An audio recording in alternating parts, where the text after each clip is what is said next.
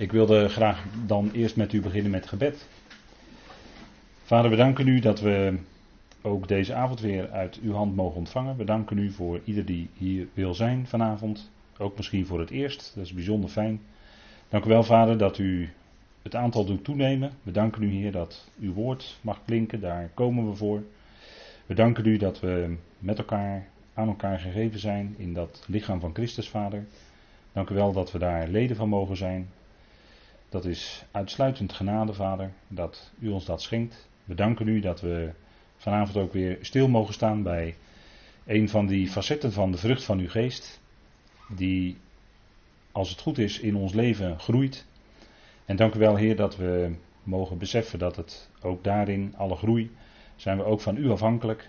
U geeft dat, Vader, en u brengt ons hier, u neigt ons hart om hierbij te willen zijn, om uw woord te beluisteren. We danken u dat we mogen denken aan hen die het moeilijk hebben op dit moment. Wees hen in bijzonder nabij. Vader, u kent in ieder omstandigheden. U kent de harten, u weet wat nodig is. U kent de druk en verdrukkingen waar mensen in zijn, het lijden, het verdriet. Vader, dank u wel dat u daarin uw troostende woorden spreekt, die ons bemoedigen, die ons opbouwen. En mag het ook zo vanavond zijn, Heer, dat we opgebouwd worden door uw woord en geleid door uw geest. Vader, dank u wel dat u ons tot heilige maakt. En dank u wel, Vader, dat we zo mogen bidden. Wil ons woorden geven, wijsheid. Vader, de geest van wijsheid en onthulling in de erkenning van u. Opdat we mogen zien wat uw geweldige verwachting is, die uw roeping geeft. Vader, dank u wel dat u ons daarin wilt leiden, voeden en koesteren. Vader, zo dank u daarvoor in die machtige naam van uw geliefde zoon. Amen. Goed, ik wil graag met u dan lezen het stukje weer uit, uh, uit uh, Galaten 5. Galaten 5. En dan lezen we met elkaar de versen 22 tot en met 26. En hoe vaak je die woorden leest, hoe meer blijkt dat ze nog altijd bijzonder actueel zijn. Hè, die woorden uit Galaten 5. Dus we zullen ze lezen. Ik lees u voor uit de concordante vertaling. En mocht u die niet bij u hebben, dan heb ik hier voor op tafel nog een aantal exemplaren liggen. Dus dan kunt u meelezen. En wij lezen dan vanaf vers 22. Daar staat: De vrucht van de geest is echter liefde, vreugde, vrede, geduld, mildheid, goedheid, geloof, zachtmoedigheid, inhouding. Tegen zulke dingen is de wet niet. Wie nu van Christus Jezus zijn, kruisigen het vlees tezamen met de hartstochten en de begeerten. Indien wij leven in de geest, volgen wij in de geest ook de grondregels op.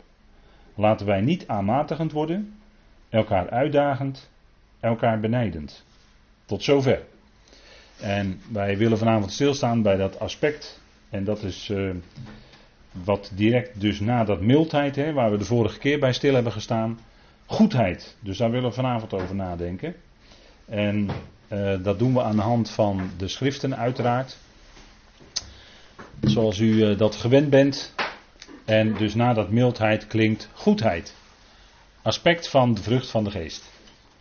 En als we nadenken over dat goedheid, dan zou je kunnen zeggen, ja, zoals ook in de schrift klinkt hè, bij gelegenheid, uh, is er eigenlijk iemand wel goed?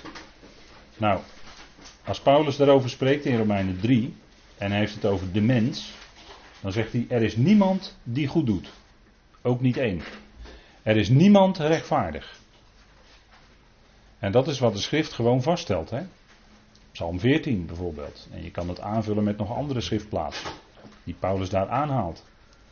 Maar er is niemand die goed doet, ook niet tot één toe. En wie is goed dan God alleen? Nou, dat, dat is de vraag stellen is hem eigenlijk al beantwoord. Hè? Alleen God is goed. En God doet ook het goede. En hij heeft het goede met zijn schepping voor. En hij zal dat ook bereiken met heel zijn schepping. En goedheid, als een mens echt goed is, en we gaan dat begrip nog wel verder invullen, wat dat dan inhoudt volgens de schrift. Die goedheid, dat is als een mens echt de goedheid uh, doet in het leven, en dat is dan niet incidenteel, maar dat is dan voortdurend, dan is dat de vrucht van de geest. En als een mens dus in staat is om echt iets goeds te doen, wat, waarvan God zegt dat het goed is, dan is dat een stukje vrucht van de geest. Anders niet. God is goed, dat klinkt in de psalm. Hè? We hebben daar vorige keer hebben we psalm 136 gelezen met elkaar. En daar staat dat God goed is. In psalm 135 en psalm 136. Daar staat en daar looft de psalmist de goedheid van God. God is goed. Looft J of Ja, hè, dat is de afgekorte naam van God, hè, Ja, uh, hij die is, want goed is JW. Dat stelt de psalmist vast. Hè. Die had het ervaren in zijn leven, de goedheid van JW. God is goed. JW is natuurlijk de Hebreeuwse wat ze dan altijd zeggen, de tijdnaam. Hè, de naam die God heeft in de tijd. Om aan te duiden wie hij is. Hè. JW is eigenlijk hij die was, die is en die komt. Hè. Die, al die drie aspecten zitten eigenlijk in die naam. En de vorige keer hebben we dan gelezen met elkaar Psalm 136. En daar staat in het eerste vers: Jubelt tot JW, want hij is goed. En dat, daaraan ontspringen dan die 26 versen uit die psalm. En dat heb ik de vorige keer niet gezegd. Maar 26 is ook wel weer bijzonder, want 26 is de getalswaarde van de naam JW. als je dat in het Hebreeuws uitschrijft, JHWH, dan is dat, als je dat bij elkaar optelt, de, getal, de, de getalswaarde van die letters, dan is dat 26. En daarom is het ook niet toevallig dat, dit, dat die psalm 26 versen heeft.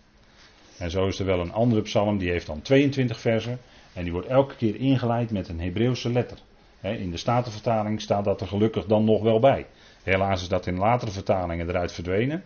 Maar eh, als het een psalm is, en zo zijn er wel meer, eh, bijvoorbeeld eh, psalm 119, een hele mooie psalm, maar misschien door de lengte leest u hem niet, maar dat zou u toch een keer moeten doen. U moet hem eigenlijk bestuderen. En daar zijn er 22 strofen. En elke strofe die begint dan met een Hebreeuwse letter. En dan elke zin van die strofe begint ook met die Hebreeuwse letter. En dan denkt u, dat moet door God geïnspireerd zijn. Dat ben ik helemaal met u eens. Dan zeg ik, ja, heerlijk, ja, zo is dat. Dat kan nooit door een mens bedacht zijn. Je kunt nog zo'n goede dichter of poëet zijn, maar zoiets kun jij niet bedenken hoor, als mens. En zo, dat is met heel de schrift natuurlijk. Die kun jij niet bedenken als mens. Kun je niet zo samenstellen. Met alles wat daarin staat. Hè? Maar de psalmist die looft dus Yahweh, want hij is goed. God is goed. En dan kun je zeggen natuurlijk, hè, daar hebben we het gisteren of eh, zondag over gehad, hè, de wet van Murphy. Er gaan allerlei dingen klaarblijkelijk fout, althans zo kijken wij als mensen er tegenaan met onze beperkte korte blik. Maar God overziet het hele plan. En dan kun je toch zeggen, ondanks al het kwaad wat in de wereld gebeurt, God is goed. Toch, hè? God is goed. En als mens, als je die goedheid van God in je leven gaat ervaren, dan ga je dat ook zeggen en zingen met de psalmist mee, dat God inderdaad werkelijk goed is.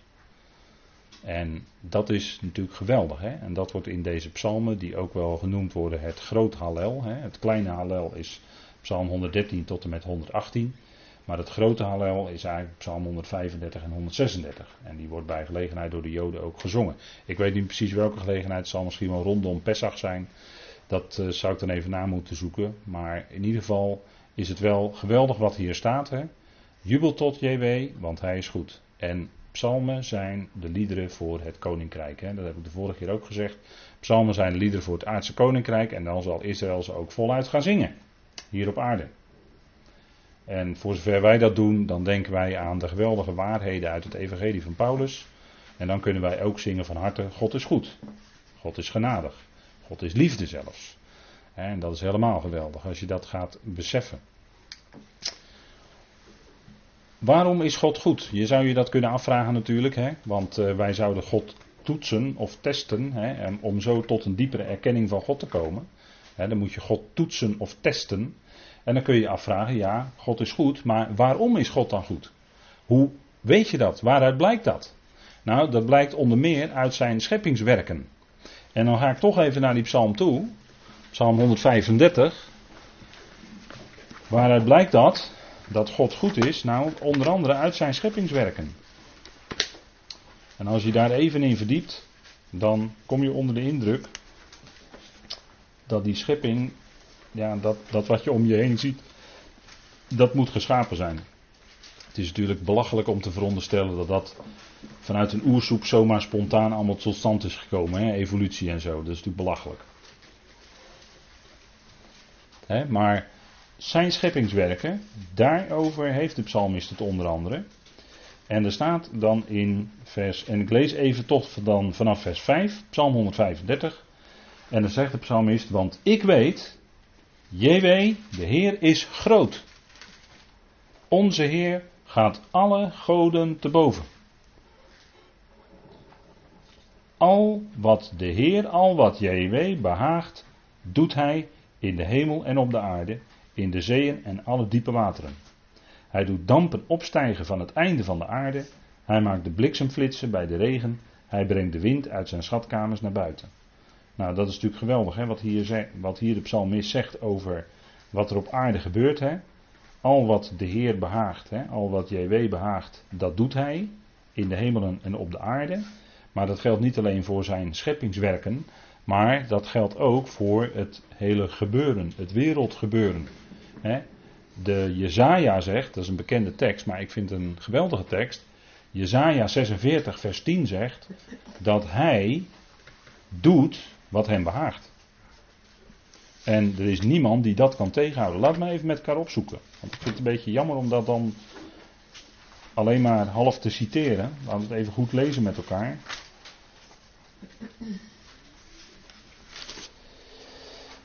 Jezaja 46, vers 10.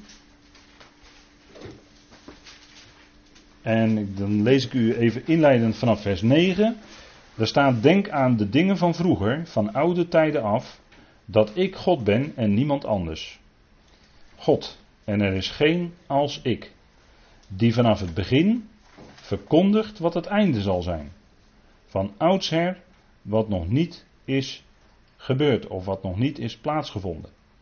Die zegt: Mijn raadsbesluit houdt stand en ik zal al mijn welbehagen doen.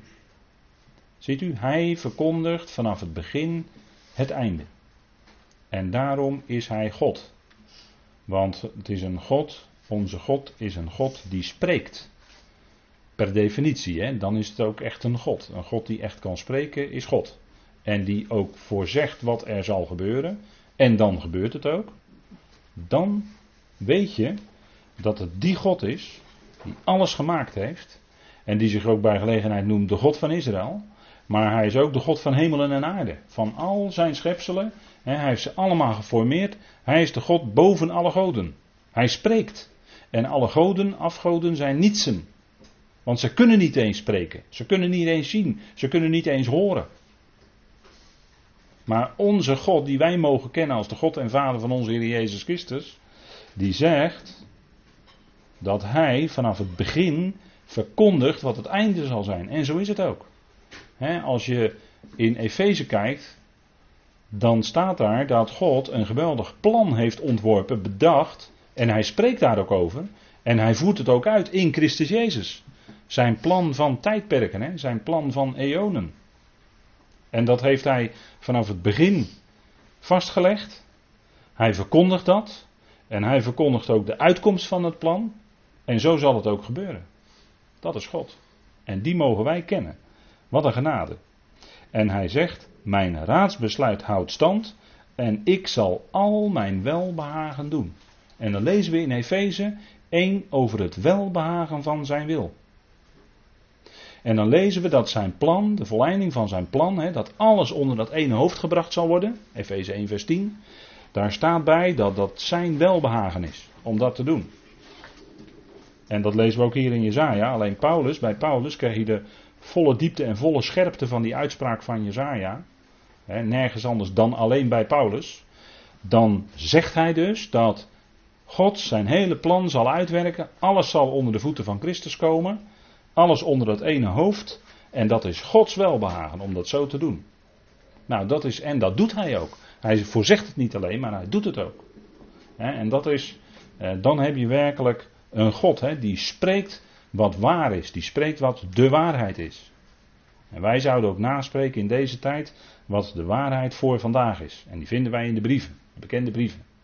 Die waarheid, die zouden we naspreken. En navolgen, want daar gaat het om. En dan eh, blijven we ook staan bij die waarheid. En dat is een geweldige evangelie. En Paulus die zegt dan een aantal keren in de tweede Timotheusbrief tegen zijn opvolger Timotheus: Timotheus leidt kwaad met het evangelie. En dat is ook wat je overkomt. Als je het evangelie van Paulus predikt en je gaat daarmee door, dan zal het vroeg of laat zo zijn dat je daarmee kwaad leidt. En dat is wat we ook ondervinden vandaag aan de dag. Kwaad leiden met het evangelie. Dan, worden de, dan, wordt er, dan wordt er gelasterd, maar dat is niet terecht. Er gaan valse praatjes rond. En dat soort dingen allemaal. En dat is een stukje kwaad leiden met het evangelie. En dat zouden wij leiden in de kracht van God. Want God geeft de kracht om eronder te kunnen blijven staan. En dat is ook wat we zouden doen. Dat woord prediken, gelegen of ongelegen. En daarbij blijven, hè? daarbij blijven staan. Niet wijken, maar blijven staan bij dat evangelie. Net zo lang, net zo lang als God het geeft. En het woord van God is niet gebonden. Het woord van God is niet gebonden. Het woord gaat door. Absoluut. Wat er ook gebeurt, maar dat woord gaat door. En dat is wat God doet. Hè? Hij verkondigt vanaf het begin wat het einde zal zijn. En hij zal al zijn welbehagen doen. Wat een geweldige uitspraak hier in Jezaja. Hè? Geweldige uitspraak. En hij zal het ook doen. Hij zal het ook waarmaken. Wat hij zegt, zal hij doen. En dat is het geweldige wat de schrift naar voren brengt. Dat Gods goedheid blijkt uit zijn scheppingswerk. Hij doet wat hem behaagt. Dat heeft hij in al die schepping, in heel die schepping heeft hij dat neergelegd. Nou, we gaan dan ook nog heel even kijken naar Psalm 136. Maar dat hebben we vorige week al gedaan. Dus zullen we heel even aanstippen. Psalm 136. En u, u weet dat wel, hè? elke psalm spreekt in feite over Christus. Uiteindelijk. Daar kom je toch altijd bij terecht. Maar goed, dat gaan we, op die aspecten gaan we nu niet in.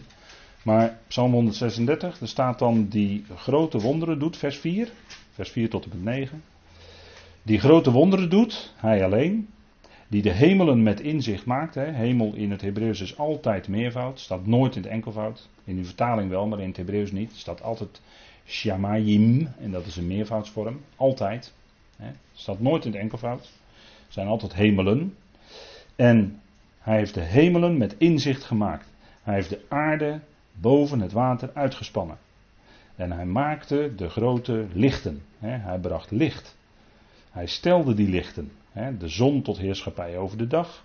En de maan en de sterren tot heerschappij over de nacht. En zo spreekt elke dag kennis, zegt Psalm 19. En de nacht predikt ook. Sterren, sterrenbeelden, spreken van het evangelie. De zon spreekt van degene die genoemd wordt in de schrift, de zon van de gerechtigheid. De Heer Jezus Christus. Hij is de. Waar de zon in de natuur, in de stoffelijke schepping, is de zon een uitbeelding van de Heer Jezus Christus.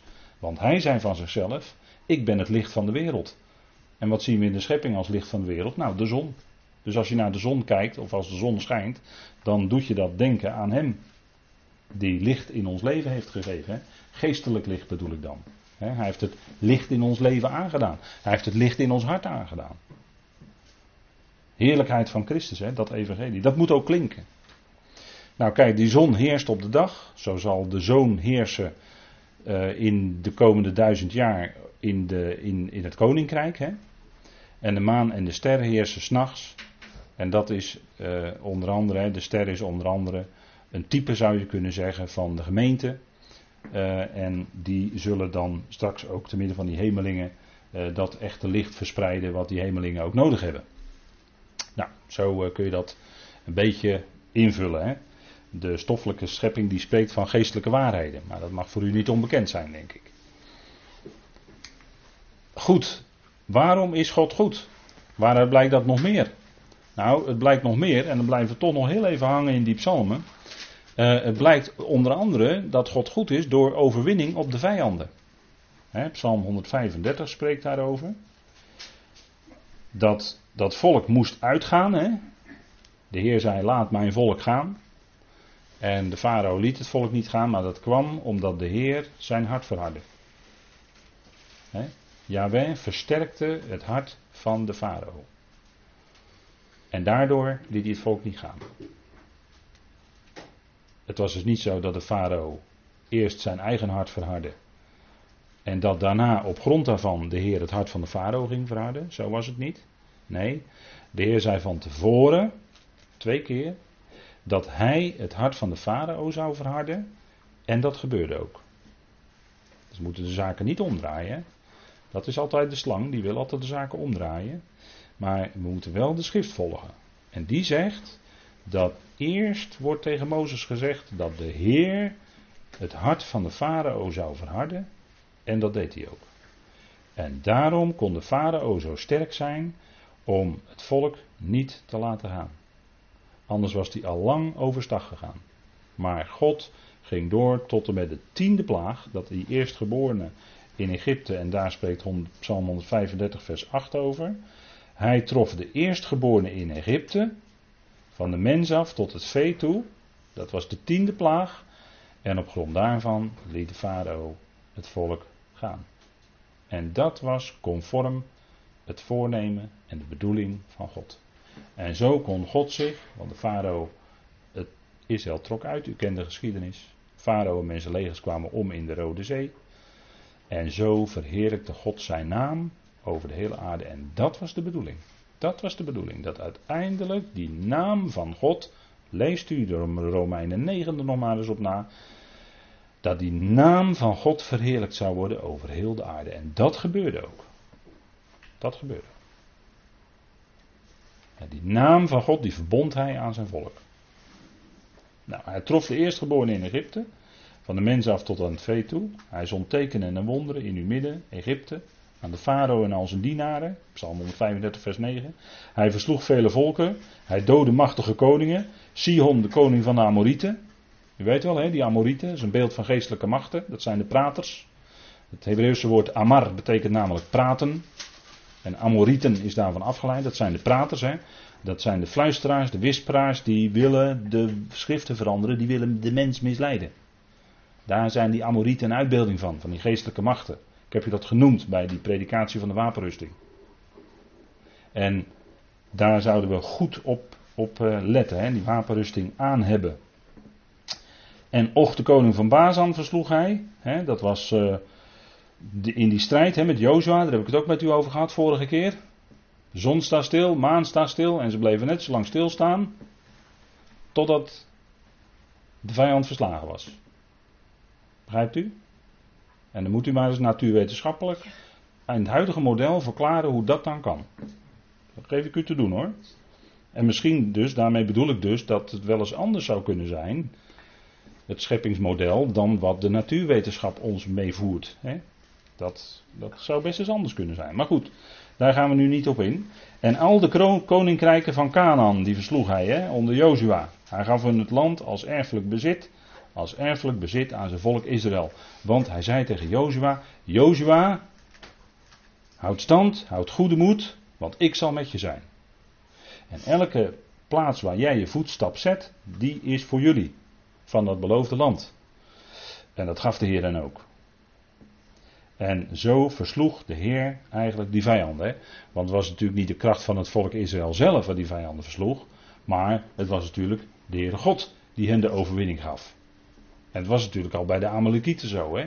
In uh, Exodus 17. Ik noem maar wat. Ik zou nog genoeg andere dingen kunnen noemen. Maar ik noem maar de Amalekieten. En er zijn ook studies die zeggen dat eh, de latere antichrist, of de wetteloze, dat wil ik even af zijn, dat die misschien wel uit Amalek afkomstig is. Nou, dat zou zomaar kunnen. Dat zou zomaar kunnen. Maar goed, dat, eh, en ook die zal verslagen worden door Christus als hij komt met de, het zwaard, met de woorden die hij spreekt. Hè. Dus de geest uit zijn mond, het zwaard, het woord. Daarmee zal hij de wetteloze verslaan, zal hij teniet doen. Met de scherpte van zijn woord. En dat is ook de kracht van zijn woord natuurlijk. Nou, die overwinning op de vijanden staat ook in Psalm 136. Maar goed, dat moet u nog maar eens nalezen. Daar worden ook die Sion en Och hè, van de Amorieten en Bazan genoemd. Die door God verslagen zijn. En zo blijkt Gods goedheid voor zijn volk. Hij streed voor zijn volk. Dat is Gods goedheid. Hij gaf hen de overwinning. En dat is ook voor ons het geweldige. Wij zijn zelfs meer dan overwinnend, zegt Romeinen 8. Waarom? Omdat de overwinning door Christus is behaald op Golgotha. Daar is de overwinning behaald ook over de geestelijke machten en krachten. Want hij heeft ze openlijk tentoongesteld, zegt Paulus in Colossense 2. Openlijk tentoongesteld en hij heeft zo over hen getriomfeerd, gezegevierd. Hè? Geestelijke machten zijn in principe al verslagen op Golgotha. Het kruis, dat is ook het geheim voor de overwinning in de strijd, in de geestelijke strijd. Daar is het kruis eigenlijk het geheim. Wij, wij hoeven zelf niet te strijden, maar wij houden stand. Dat is wat we zouden doen, stand houden. En dat is een verdediging. We hebben allemaal verdedigingswapens in de wapenrusting. En wat wij zouden doen is stand houden. En dan komen er allerlei vurige pijlen op ons af. En wat wij doen is stand houden tegen de vijand. Wij hoeven niet aan te vallen. Wij hoeven de strijd niet aan te gaan. Maar als er tegen ons gestreden wordt, dan houden wij stand. En dat is wat we doen. Dat is wat we zouden doen. Daarvoor hebben we die wapenrustingen. En dan is de Heer die dan, eh, om het zo maar te zeggen, de overwinning geeft. Hè? Die het soms geeft dat de vijand op de vlucht slaat. En wij houden stand en dan hebben we dat geweldige woord als een, als een zwaard, hè? Als, het, als dat korte zwaard wat die aanvallen van de tegenwerker kan pareren. Hè? Dat kan je doen met het woord van God. Dat deed de Heer Jezus ook. Hè? Dat is heel leerzaam. Die antwoorden met er staat geschreven. Dat is ons antwoord op de aantijgingen van de tegenstander. Er staat geschreven. En dat is, hè, zoals Israël de overwinning behaalde daar op het aardse lotdeel, zo kunnen wij stand houden op ons hemelslotdeel. En dat doen we in de kracht van God, in de wapenrusting van God en hebben het woord van God als een geweldig verdedigingswapen. Uitspraken van God. Hè? Nou, geweldig. We gaan even verder. Waar uh, God, Gods goedheid blijkt dus uit de overwinning op de vijanden. En dat. Uh, ja, dan heb ik twee keer. Goed. Overwinning op de vijanden. En hij doet wat hem behaagt. Daar hebben we heel even al bij stilgestaan. Waarom is God goed? Waaruit blijkt dat? Nou, hij doet, hij, JW, doet wat hem behaagt. ik liep al even vooruit kennelijk met mijn spreken. Want hier staat dan op die dia psalm 135 vers 6 en 46 vers 10. En dan staat er ook in die psalmen, ik weet dat JW groter is. Groot is. En hij is groter dan alle goden. de goden van de oudheid. De Grieken kenden een heel pantheon, een heel, die hadden een hele scala aan goden. Met Zeus en Hermes en eh, nou noem maar op. En de Romeinen hadden, hebben die goden min of meer overgenomen en die gaven ze Latijnse namen. Dan had je Jupiter en Apollo en eh, nou noem maar op. Hè.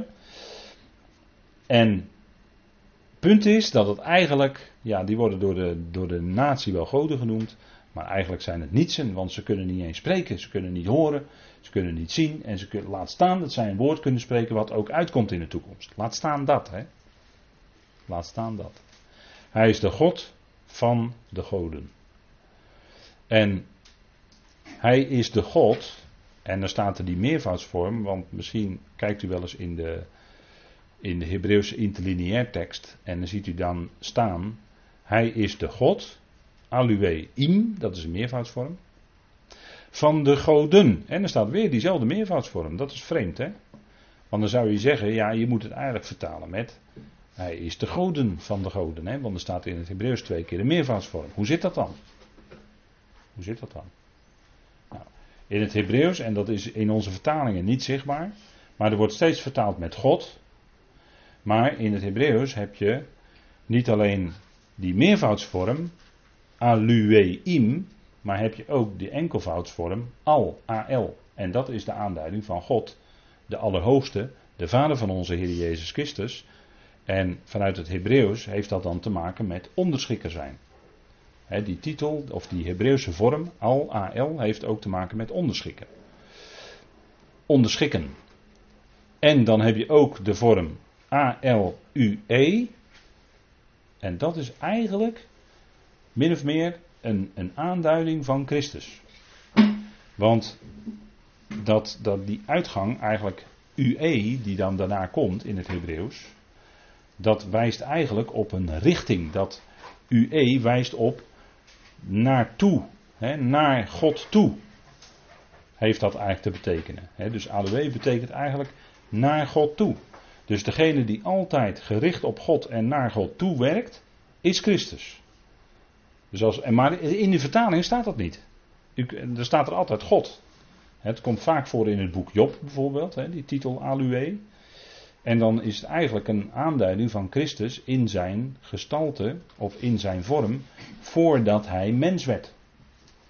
Maar goed, daar ga ik nu niet verder op in, want daar hebben we straks dan de studiedag van. Van dat soort aspecten, die komen dan naar voren. En dan heb je die meervoudsvorm alueim. En dan, dat is eigenlijk het omvattende. Dat is dan eigenlijk al, hè, God, die met zijn geest werkt in anderen. En die dan voor hem dat werk doen wat gebeuren moet. Dus dan heb je eigenlijk al diegenen die met God meewerken in zijn plan. Waar hij zijn geest in geeft. Die zijn er eigenlijk in besloten.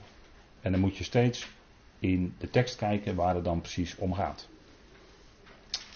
Dat even als toelichting, hè? want anders zegt u misschien, ja, ik zie twee keer de meervoudsvorm staan, hoe zit dat dan? Hè, dat zou je even taaltechnisch kunnen afvragen. Maar dat heeft daarmee te maken. Hè? Dan leer je heel even weer opnieuw, hè? want het is al vaker verteld hoor, wat ik nu vertel. Maar dan leer je weer heel even opnieuw dieper kijken in, vanuit het Hebreeuws hoe dat dan zit. Nou, hij is dus de God van de goden, hè? hij is de Allerhoogste. En die goden die hebben eigenlijk niets in te brengen tegen God. zij zijn degene die uh, zich wel groot opwerpen. en soms uh, kunnen demonen zich ook voordoen als God, of worden demonen aanbeden als God, enzovoort. dat kan ook allemaal. Maar uh, u begrijpt dat die zijn niets in vergelijking met die grote God. En toen de Heer kwam, kon hij zo demonen zo hun plek wijzen. Hij kon ze zo met één woord kon hij ze uitdrijven, hun plek toewijzen. Dus ze hebben niets te vertellen. Nou, hij is de, de God van de goden en de Heer van de heren. En dan proef je ook iets wat in het boek Openbaring staat. Daar moet ik dan aan denken, wat in Openbaring staat. Dat hij de koning van de koningen is en de Heer van de heren. Als Christus komt, blijkt dat hij dat is. Nou, geweldig hè. Goed, de Heer doet al wat hem behaagt en daaruit blijkt ook zijn goedheid. Want wij kunnen natuurlijk vandaag wel zeggen dat er veel misgaat. Hè? Er lijkt van alles mis te gaan en het lijkt er wel een, een soort katalysator die vandaag de dag aan de gang is. Die steeds verder die wereld steeds dieper in die chaos doet ondergaan. Zo lijkt het. Maar dit is wel in de schriften voorzegd dat dit allemaal moest gebeuren. En uh, dat God daardoorheen zijn plan uitwerkt. Kijk, God overziet die hele weg. En daarom, hij heeft alle touwtjes in handen. En daarom is al wat gebeurt, het gaat niet buiten hem om. Maar hij bewerkt uiteindelijk daardoorheen het goede. Dat is Romeinen 8 ook, hè, waar, waar we ook zondag even bij stilstonden. Want God is het, hè, die eigenlijk alles doet samenwerken tot het goede. En wij zijn ons dat bewust, wij die door God geroepenen zijn, wij die door God uitgekozen zijn, die naar zijn voornemen geroepen zijn, wij weten dat God, en dat is ons geloof, wij weten dat God het is die alles meewerkt, doet samenwerken tot het goede. En daarom kunnen we zeggen dat God goed is. En dat blijkt ook, en dat gaat ook blijken. Nog meer over Gods goedheid. Hè? Gods goedheid. Kijk, Israël werd verlost uit Egypte. Het was zijn werk, via plagen, krachtige daden, zijn naam werd verheerlijkt. En Israël ging uit met minstens 600.000.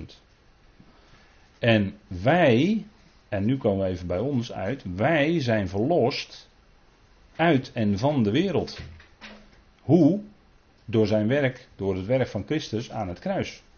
God werkte dat uit door Christus. En daaruit blijkt dat God goed is. Dat Hij ons op die manier verlost. En wij kunnen zeggen, ja, dat kruis van de ene kant bekeken was dat een groot kwaad wat hem werd aangedaan. Hè, wat de zoon werd aangedaan, was een groot kwaad. Want hij was zonder zonde, hij verdiende het niet om zo'n, zoiets te ondergaan. Hè, de straf die toen criminelen eh, moesten ondergaan. En hij hing daartussen, hè, bij de moordenaars en de rovers enzovoort. Hè. En je zou zeggen op het eerste gezicht, dat is een groot kwaad dat, het hem, dat, dat hem dat overkwam. Maar God bewerkt door dat kwaad heen het goede. Want wij zijn nu verlost, wij zijn het bewijs ervan. Gods goedheid blijkt in zijn welbehagen voor ons en voor heel de schepping. Hij werkt zijn welbehagen uit. En wij zijn daar onderdeel van en wij getuigen daarvan. Wij zijn daar blij mee. U bent daar blij mee, ik ben daar blij mee. Het is een blijde boodschap. En toch gaat dat door het kruis heen. En inderdaad, ik vond het wel een leuk visje. Het kruis, resultaten uit het verleden, bieden inderdaad garantie voor de toekomst. Dat klopt. Dat klopt. Daar ben ik het helemaal mee eens. En dat is wat, uh, wat de Heer heeft bewerkt, is in feite hè, het einde van die hele oude schepping, is eigenlijk aan het kruis gebeurd, vanuit God. Hè? En wij behoren eigenlijk in Christus al bij die nieuwe schepping. Wij horen bij de opgestane, bij de opgewekte. Dus wij horen al bij die nieuwe schepping in Christus. En dat is het resultaat, de vrucht van het kruis. In feite zou je kunnen zeggen. Hè?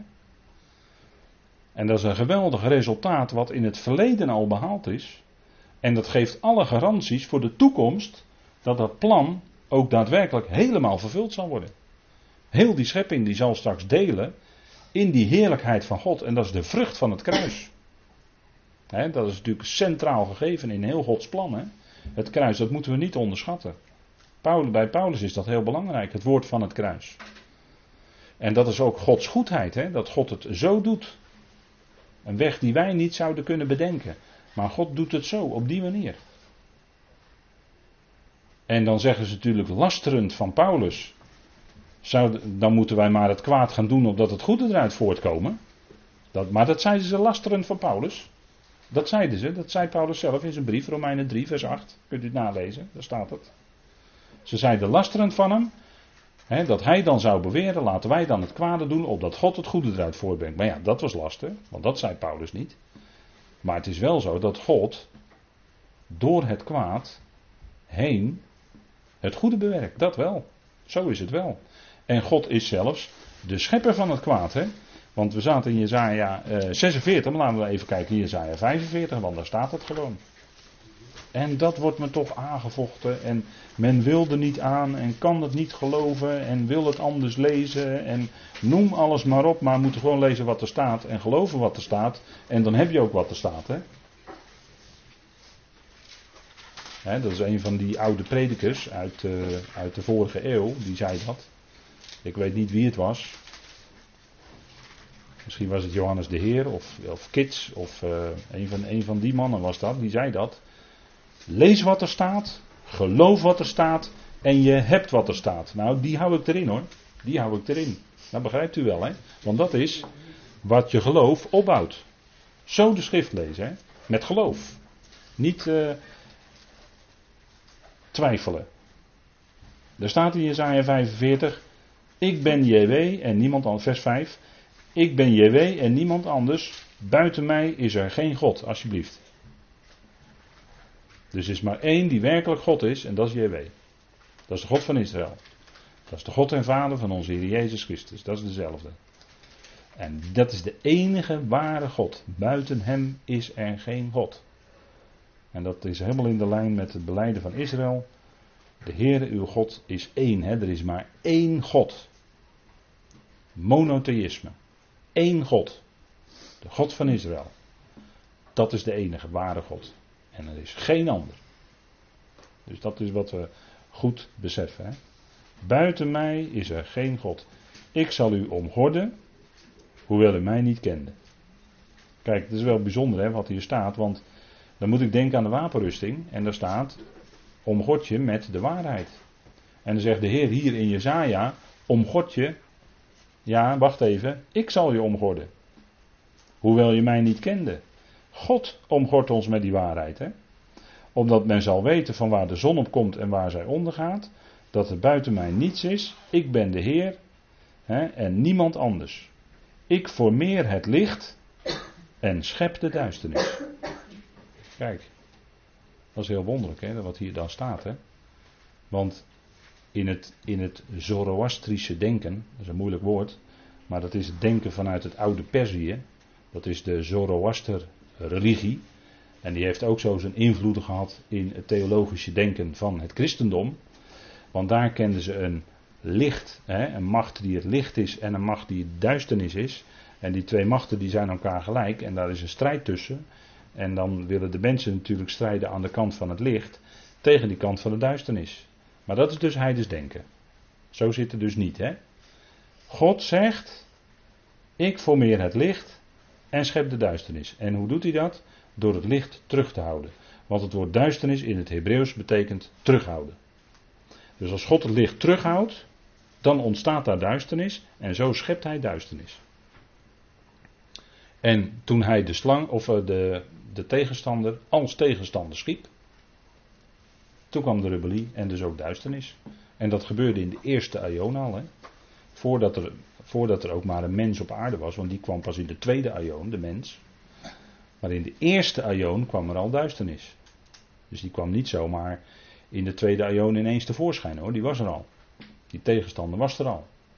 Toen de mens geschapen was, kwam de slang er als de, als de slang bij, moet ik dan zeggen in dit geval. Hè? Om die mens te misleiden en om dus duisternis bij die mens te brengen. Zijn duisternis daar te zaaien, om het zo maar te zeggen. He, zijn geest, de geestelijke duisternis. Nou, God zegt: Ik formeer het licht en schep de duisternis. Ik maak de vrede, of eigenlijk het goede, en schep het kwaad. Het is hier vertaald in mijn vertaling met onheil, maar er staat eigenlijk kwaad. Het Hebreeuwse woord ro. Resh ayin is dat in het Hebreeuws. Ro. En dat is kwaad wat hier staat. En het staat in de beste handschriften. En zo is het ook. Dus de Heer maakt het goede en hij schept het kwaad. Dat staat eigenlijk in de beste Hebreeuwse manuscripten. En dat is de tekst. Dus JW zegt hier van zichzelf dat hij de schepper is van het kwaad. En dat hij ook het goede maakt. En daarom kon hij ook die boom van kennis van goed en kwaad, de kennis van goed en kwaad, in die hof planten. Want God had die boom daar in het midden van de hof neergezet. En niemand anders. Dus die mens kon hem eigenlijk niet missen. Daar liep hij gewoon tegenaan. En het moest ook zo zijn.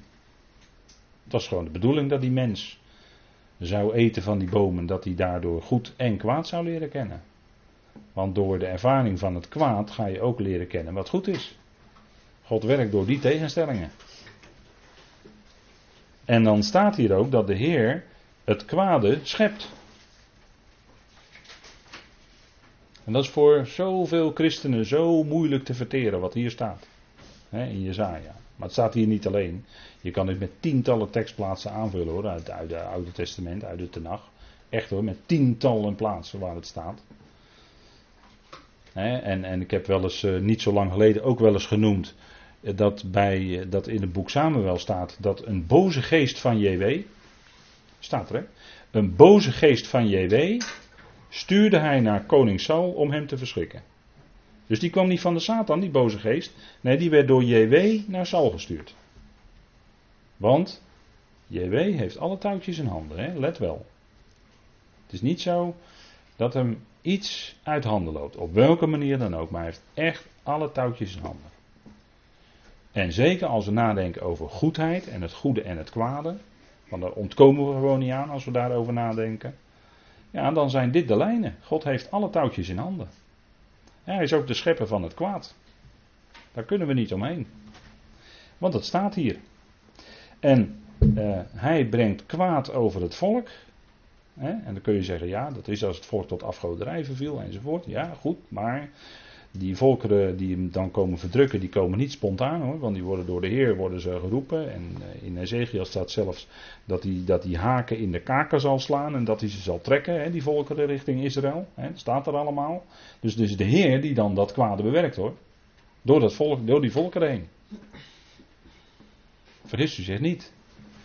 Nou, de Heer doet, al, er staat er nog bij hè, vers 7. Ik, JW, doe al deze dingen. Wilt u het nog duidelijker hebben? Ik, ik, zou, ik kan het niet duidelijker zeggen dan dit. Ik wil alleen maar naspreken wat er staat geschreven. En dit staat geschreven. En dus daar blijven we bij. En dat God dan ook inderdaad bij machten is om uit het kwade uiteindelijk ook het goede voor te brengen, ja, daar is Hij God voor, ja. Wij kunnen dat niet. Dus het gaat niet aan dat wij zouden proberen om kwaad te doen omdat het goed is. Natuurlijk niet. Wij zijn slechts mensen. Wij kunnen dat niet. Wij kunnen niet kwaad doen omdat het goede eruit voortkomt. Zo is het niet.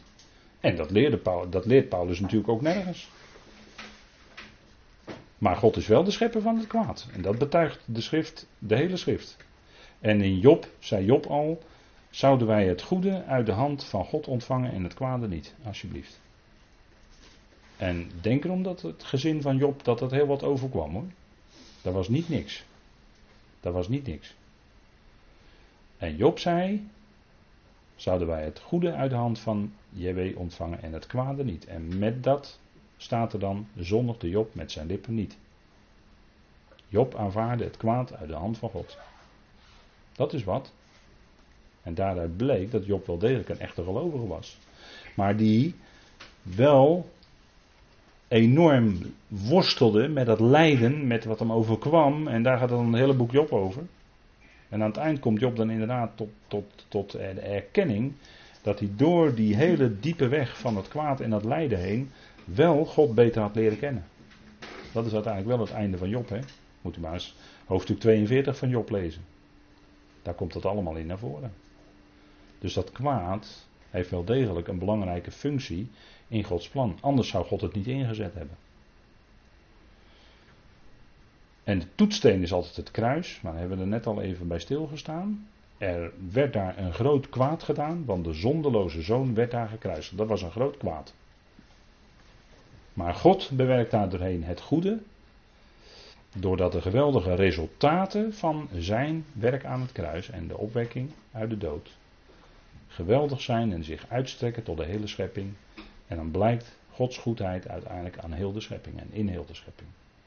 Kijk, en zo zit dat plan in elkaar. En, en dat is geweldig, hè? En zo doet God wat goed is. Nou goed, gaan we verder. God werkt dus zijn welbehagen uit.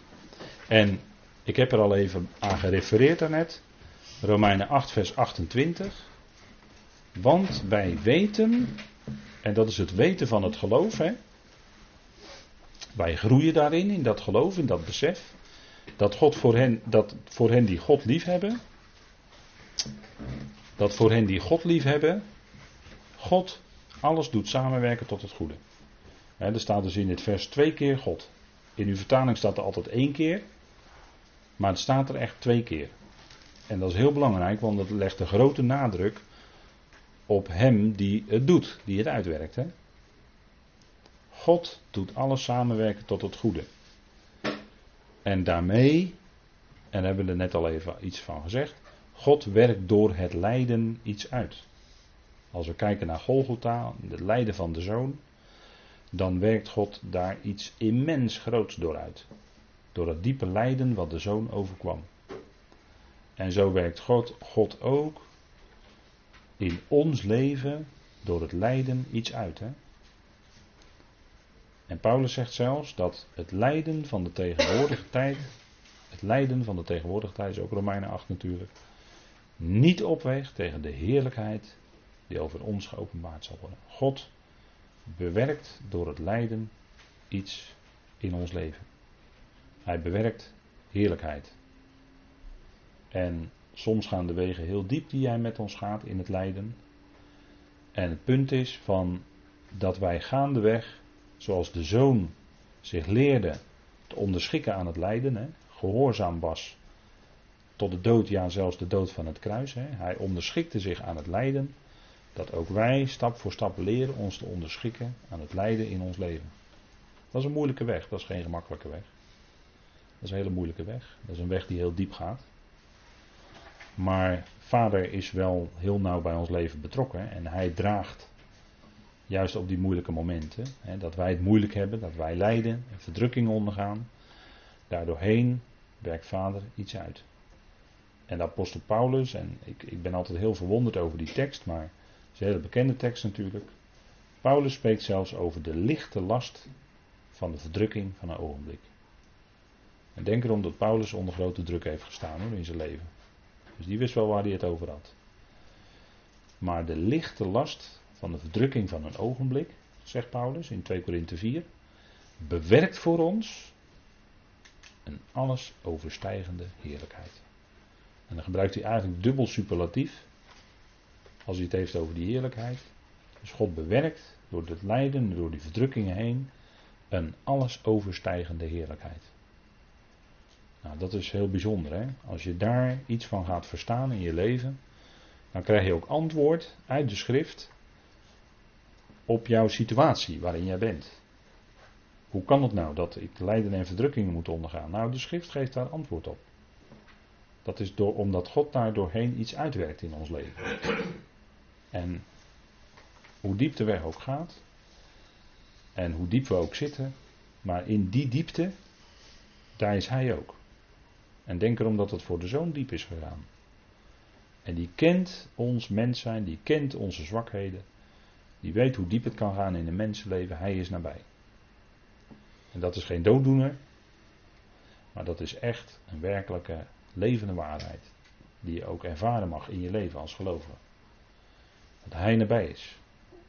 Juist als het druk en lijden en het verdriet het grootste is. Dan is hij nabij. En dan besef je, God werkt er iets door uit. En dat bid je dan. En dan eh, de tranen op je wangen. En dan toch is er in je hart iets van vreugde. Omdat je weet dat God daar doorheen iets uitwerkt. Dat, is dan, dat, dat lijkt heel tegenstrijdig. Maar zo is het wel in ons leven dan. En dat is, dat is toch bijzonder dat God ons dan troost door en bemoedigt door het woord. Wat hij spreekt in ons leven. en vaak is het zo dat als je misschien het heel moeilijk hebt, dat je dan juist die woorden van God, als je die gaat lezen of gaat beluisteren, dat die je dan juist weer van binnen bemoedigen, versterken, kracht geven, oprichten. Zodat je weer verder kan. En dan is het werkelijk echt de troost van God. Dat doet de trooster, de Heilige Geest is ook de trooster. Christus is de trooster.